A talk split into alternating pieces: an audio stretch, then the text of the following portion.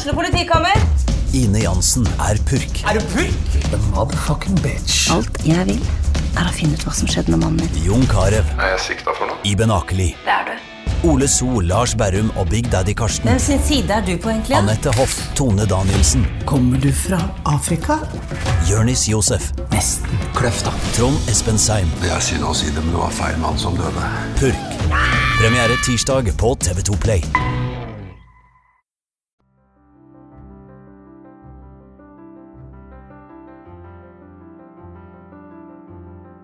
I dagens episode forteller Rakel Lima Fjelltvedt helt ærlig om flere ting som har satt sitt preg på livet hennes. Rakel vokste bl.a. opp i Jehovas vitner, men valgte å bryte ut fra den religiøse organisasjonen i 2020. I tillegg forteller Rakel om en spiseforstyrrelse som sakte utvikla seg når hun var barn, og som fikk dramatiske konsekvenser. Men vi må starte fra toppen. Som barn så, og kanskje ennå, så var jeg eh, til tider veldig mye. sånn eh, Altså veldig supersosial og ordentlig sånn snakket masse, holdt aldri kjeft.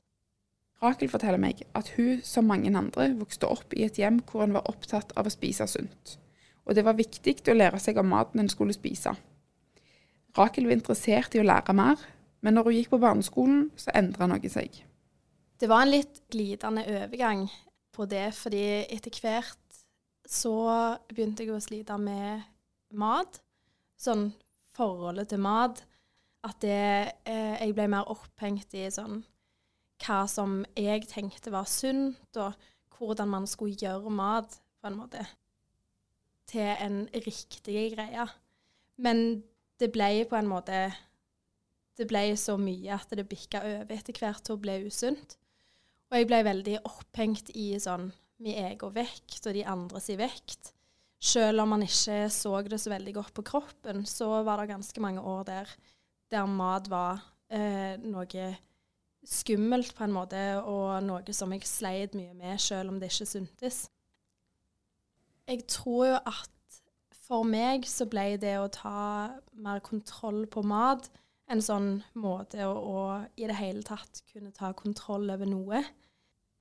Sånn ofte hvis man ikke Hvis man har noen områder i livet der man kjenner at man ikke klarer å, å på en måte finne helt feste eller finne oversikt og sånn, så kan det med eh, spiseforstyrrelser og sånn Hvis man er sårbar for det i utgangspunktet, så kan det være noe som blir trigga.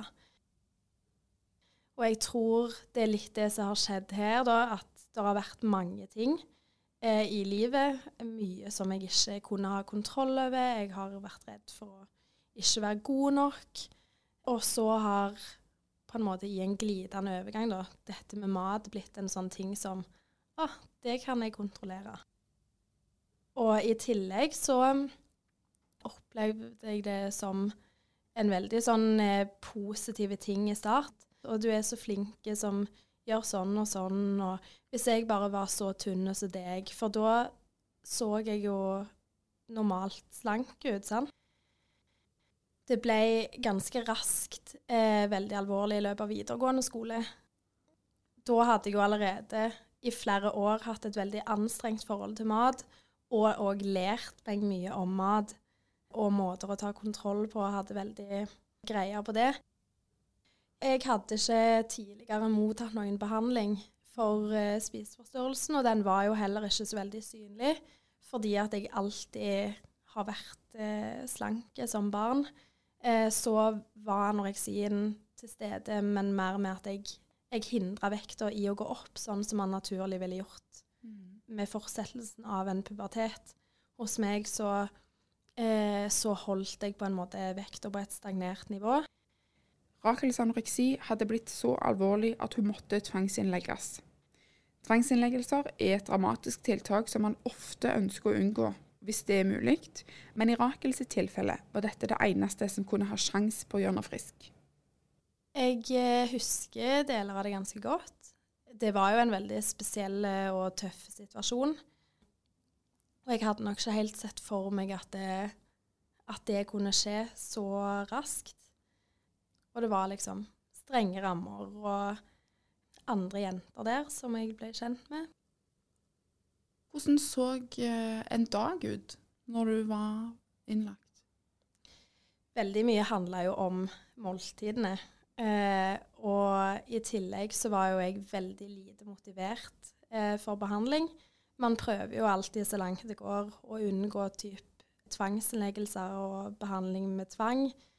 Um, og spesielt òg på ungdommer som ikke har hatt noen eh, erfaringer fra tidligere, men vil jo helst ikke lage sånn type negative erfaringer. Men her var det jo nødvendig. Jeg tror ikke helt at jeg hadde At jeg skjønte hvor eh, langt jeg hadde strukket strikken. Eh, så jeg husker at jeg ble overraska over de andre jentene, f.eks., som var inne med det samme, men som eh, ikke hadde samme type oppfølging som meg.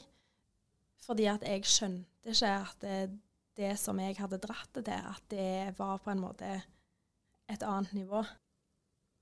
Kan du si noe om hvor alvorlig syk du var?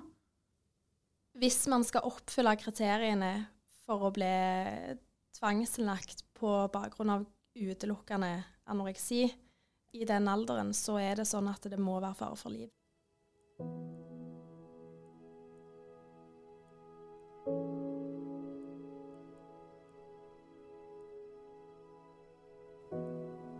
Ved siden av anoreksien hadde Rakel òg mange depressive tanker, og hun hadde selvskader i flere år før hun ble innlagt for første gang.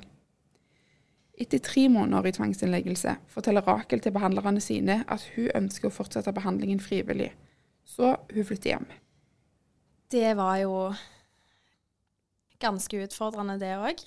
Eh, og det har absolutt òg vært utfordrende for de som er pårørende.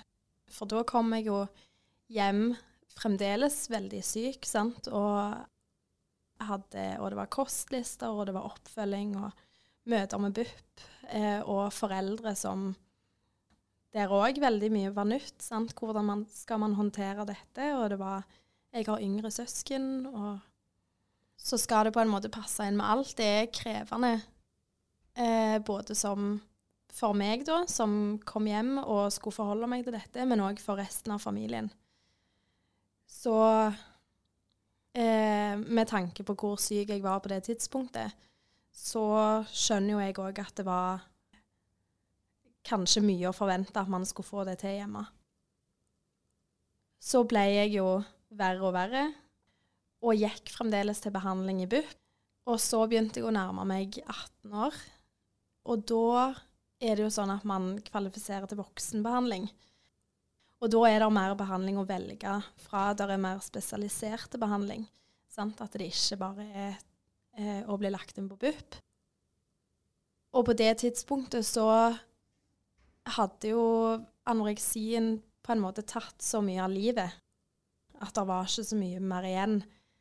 Fordi at det, når man er så syk, så er det vanskelig å være sosial, og det er vanskelig å fungere. Man ser liksom at det, ja, jeg hadde hår ned til rumpa som var klipt skulderkort fordi at det, håret blir tynt, og huden blir skjør, og beina i kroppen de tåler ikke et lite fall. Og jeg drev egentlig aktivt med hest. Det var vanskelig.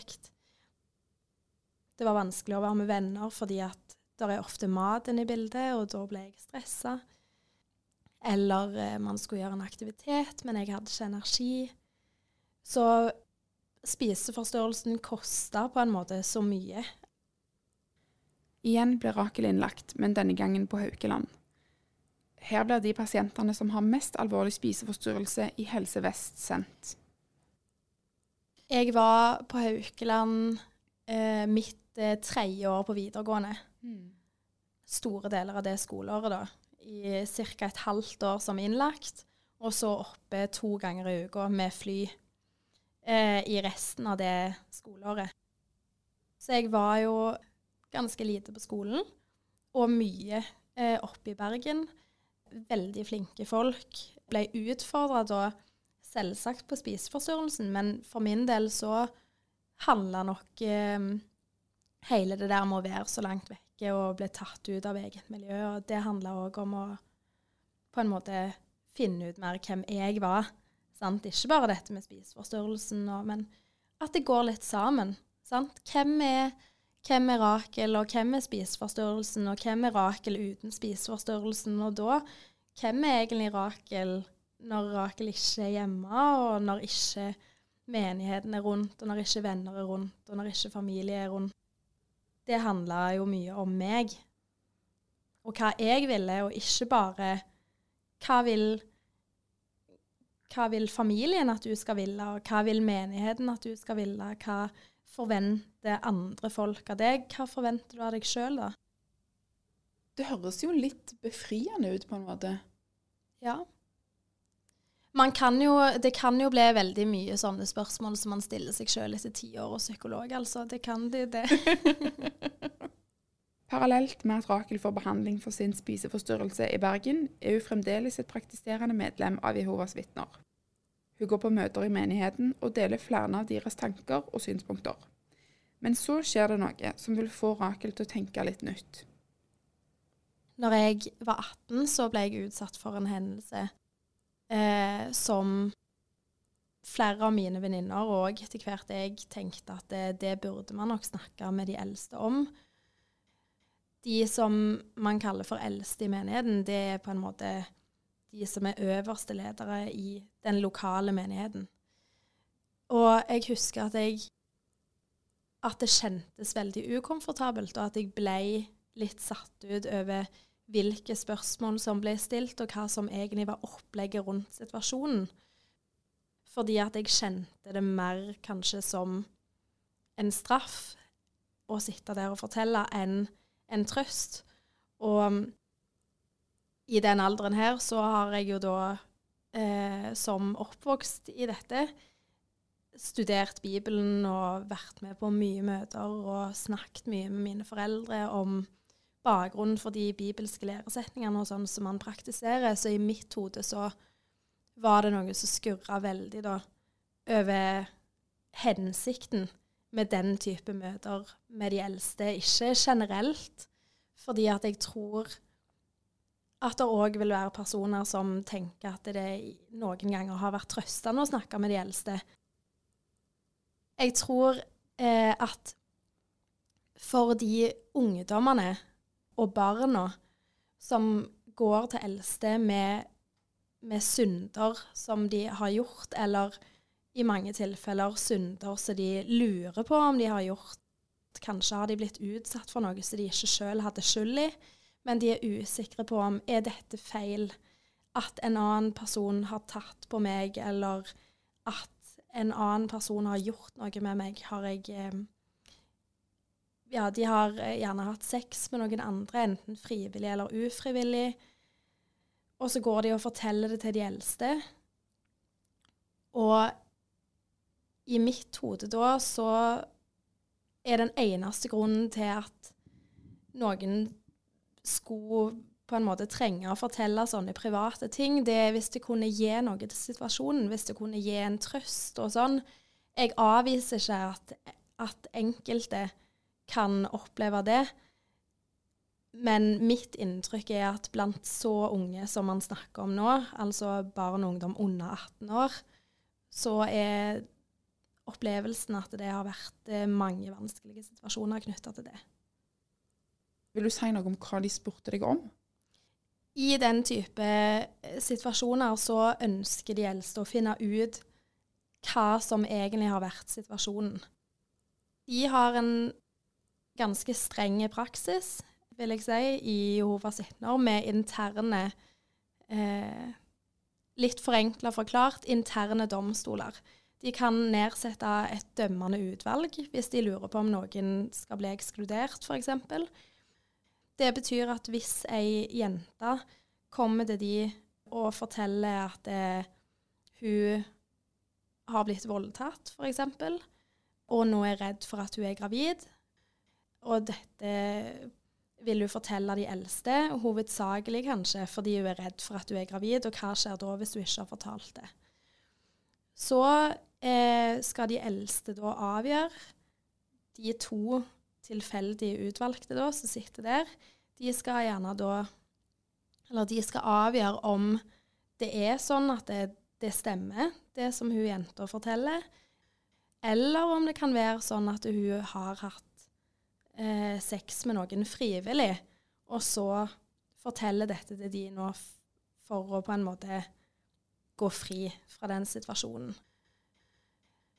Så er det sånn at det finnes veiledninger på hva de skal spørre om og ikke, og de senere åra så, så, har man tydeliggjort eh, at de eldste skal unngå veldig private og intime spørsmål.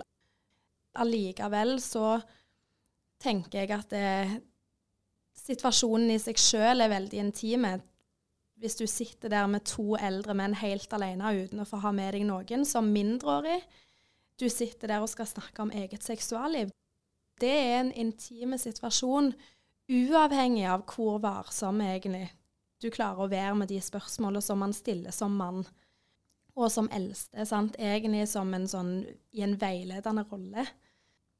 Så jeg har fått eh, da spørsmål som jeg òg vet eh, andre har fått. Hvordan dette har foregått, nøyaktig hva som har skjedd, hva har du sjøl gjort, hva har den andre gjort, hva har, hva har foranledningen vært? Og det opplevde jeg sjøl som vanskelig, og jeg har veldig stor forståelse for at andre òg oppfatter det veldig vanskelig. Eh, spesielt mindre barn som, eh, som, gjør dette, i den tro at det er noe de må gjøre fordi at de, de tenker at det er det rette. Hva håpte du skulle skje når du gikk og snakket med de eldste? Jeg tror det var todelt. For meg så var det ene at bare en sånn Det var en automatisk ting. Det er det rette å gjøre.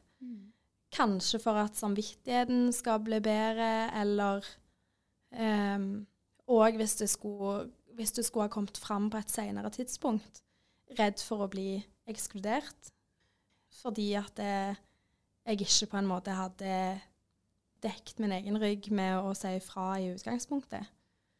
I den situasjonen som det er snakk om her, så var det flere som hadde fått med seg hva som skjedde. Så stort potensial for at noen andre hadde sagt ifra hvis ikke. Og da hadde jeg gjerne hatt et større forklaringsproblem. Eh, her var det en hendelse som jeg ble utsatt for, men jeg kunne hatt et større forklaringsproblem overfor de eldste da. Så frykt, egentlig.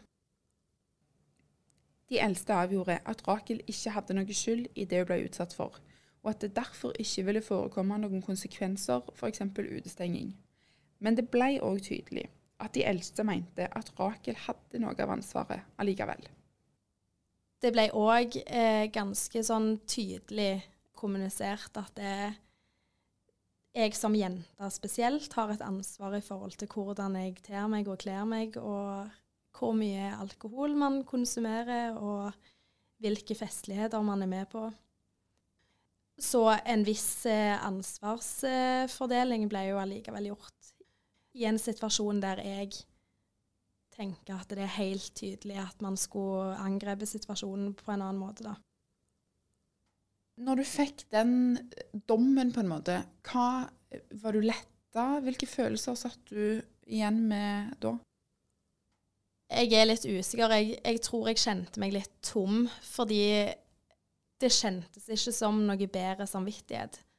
Fordi jeg visste at det som som eh, hadde skjedd, egentlig ikke hadde noe med, med noe synd som var begått. Det føltes eh, Det føltes egentlig bare litt invaderende. Så jeg var glad for å være ferdig. Glad for at det, eh, hvis dette skulle kommet opp noen gang, så kunne jeg bare si at ja, ja, men jeg har tatt opp med de eldste. Og at jeg kunne legge det bak meg. Men jeg tror at det å stå i den situasjonen var en ekstra belastning i ting som var ganske mye i utgangspunktet. Det, det tror jeg.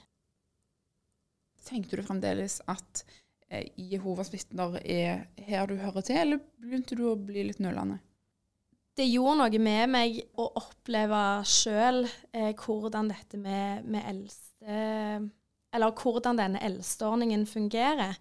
Og spesielt det å oppleve da at det ikke hadde den funksjonen som jeg eh, hadde trodd at det hadde. For meg så var det ikke noe lett av samvittighet, fordi at det, det er ikke noe som på noe vis egentlig burde ha berørt min samvittighet.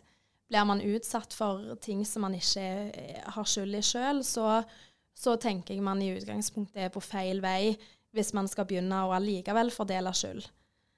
Jeg oppfatta at det var noe av det som skjedde, og at det sånn sett var en litt feilslåtte ordning i forhold til det som har med barn og unge å gjøre.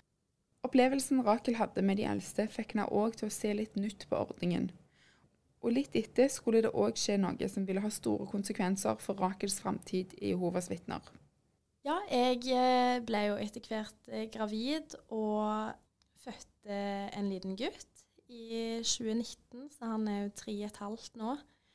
Og mm, for meg så er nok det sånn det mest livsendrende eh, som har vært. Og jeg skjønner at det er det for mange, men i tillegg til det med å, med å bli mamma og, og, få et barn og alt som kommer med det, så, så ble det òg på en måte den siste tingen som gjorde at jeg valgte å, å, å gå ut av Jehovas vitner, da. Jeg syns at det var utfordrende eh, med en kropp sant, som hele tiden var i endring, og eh, den vekta og Ja, det var, det var, litt komplisert. Så er det klart at å kjenne at noe vokser inni deg, og at det begynner å sparke, og det, det var veldig fint og ga meg en sånn Ja, det gir et litt nytt perspektiv, og man begynner gjerne da òg å se ting å se ting litt lenger fram, sant. Det som jeg valgte òg i forhold til tro og sånn, det kommer ikke lenger til å bare påvirke meg, det kommer òg til å påvirke barnet i magen. Så det var veldig mye tanker og refleksjoner rundt hva vil det gjøre for mitt barn at jeg går ut av Jehovas vitner, og hva vil det gjøre for mitt barn hvis jeg fortsetter å være Jehovas vitner på det tidspunktet så hadde jeg òg eh, begynt eh, overkommet langt på sykepleierutdanningen, der jeg òg har en del tanker eh, som er litt avvikende fra Jehovas sin tro, som knytta til bl.a. blodoverføring. Og det var på en måte mange ting som, som begynte å skurre mye. Ikke i troen generelt, men i troen på akkurat de læresetningene som er spesielle for Jehovas vitner. Eh, og da få en liten unge på magen, og så kjenne bare den morsfølelsen som bare flusher gjennom, og man tenker hva er dette? Eh, har man egentlig noe annen oppgave i livet? Jeg vet det høres sykt klisjé ut, men å bare kjenne det, og så ligge der og se ned på den ungen For min del så var det jo da, som sagt, veldig mange ting som begynte å være utfordrende å forholde seg til. Det er dette med hvordan man som barn og som ungdom må forholde seg til systemet, alle reglene som er, dette med eksklusjonsordningen. Jeg skjønte ikke grunnlaget helt for det. Og så var det dessuten medisinske spørsmål eh, som jeg kjente at var utfordrende å forholde seg til som eh, straks ferdig utdanna sykepleier. Det var mange ting. Så etter hvert så var det så mange ting at det, det ble en sånn gradvis forvissning om at det, dette er feil for meg. Å få Matheo å kjenne på den følelsen av hvordan det er å være mamma. Sant? Den kjærligheten til ungen, og så da òg forstå hvordan enorme følelser det er man egentlig stiller seg over når man ber foreldre vende ryggen til ungene sine i forbindelse med eksklusjonsordningen. Jeg, jeg eh, makter ikke se det for min unge. Da står man der og føler jo at det er så mange ting man ville sagt, sant. Eh, mest av alt dette med at det, med at det ikke handler om om eh, at man ikke tror lenger, og at man mener at alt det de gjør, er feil. Og, men at man bare kjente at det, det, er ikke rett for meg. Det er ikke rett for meg, og det er ikke rett for mitt barn. Jeg ønsker noe annet. Rakel satte seg en dato for når hun skulle forlate menigheten, og hadde derfor litt tid til å forberede seg. Hun visste òg at når hun forlot Jehovas vitner, ville hun òg miste hele nettverket sitt, som fremdeles var medlemmer. Det var en sånn umiddelbar krisereaksjon nesten på at det kjentes ut som om så mye forsvant. Fordi at så mye forsvant. Sant? En helt normale, normale reaksjon og en normal opplevelse av, av å miste så mye. Det var veldig vondt. Eh, og til tider så er det veldig, veldig vondt og sårt ennå så er det sånn det må være. Dessverre. Og jeg er veldig opptatt av å være tydelig på, og være tydelig på til min sønn òg, at det er ingen som sier at de ikke er glad i mamma. Det er ingen som sier at de ikke er glad i Matheo. De tror litt annerledes enn oss. Men for meg så er det et poeng at det, det er ikke vi som tar avstand fra noen her. Vi tar ikke avstand fra andre. Det er andre som velger å ta avstand fra oss.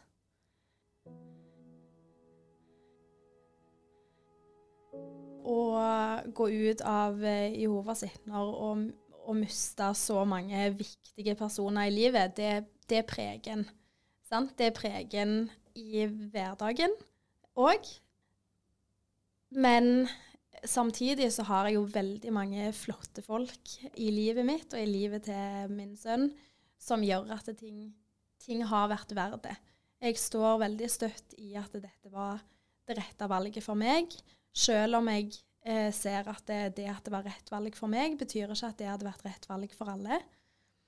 Og så tenker jeg at dessverre så er det jo sånn at det, man har med seg gode ting, og man har med seg vonde ting videre i livet. Og så har nå alle de tingene her iallfall gjort at det, jeg er den som jeg er, og gjør det som jeg gjør. Og både i jobben min som sykepleier og med andre ting som jeg holder på med, så får jeg jo brukt det òg på en måte som jeg eh, ser er til hjelp for andre.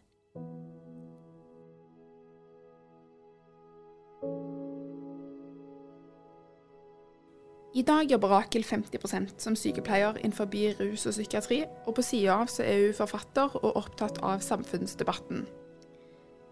Selv om å forlate Jehovas vitner og derfor miste hele sitt nettverk som fremdeles var igjen, har vært eh, tøft, er hun tydelig på at det fremdeles var rett valg for både hun og sønnen sin.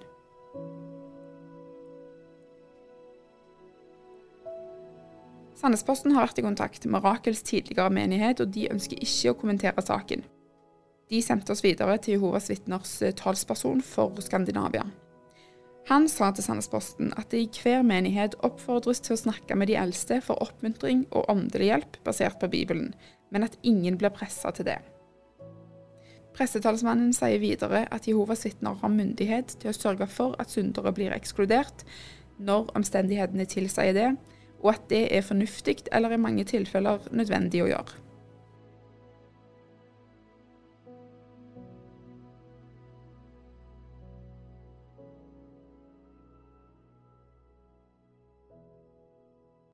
Har du et enkeltpersonforetak eller en liten bedrift? Da er du sikkert lei av å høre meg snakke om hvor enkelt det er med kvitteringer og bilag i fiken, så vi eh, gir oss her, vi. Fordi vi liker enkelt. Fiken superenkelt regnskap.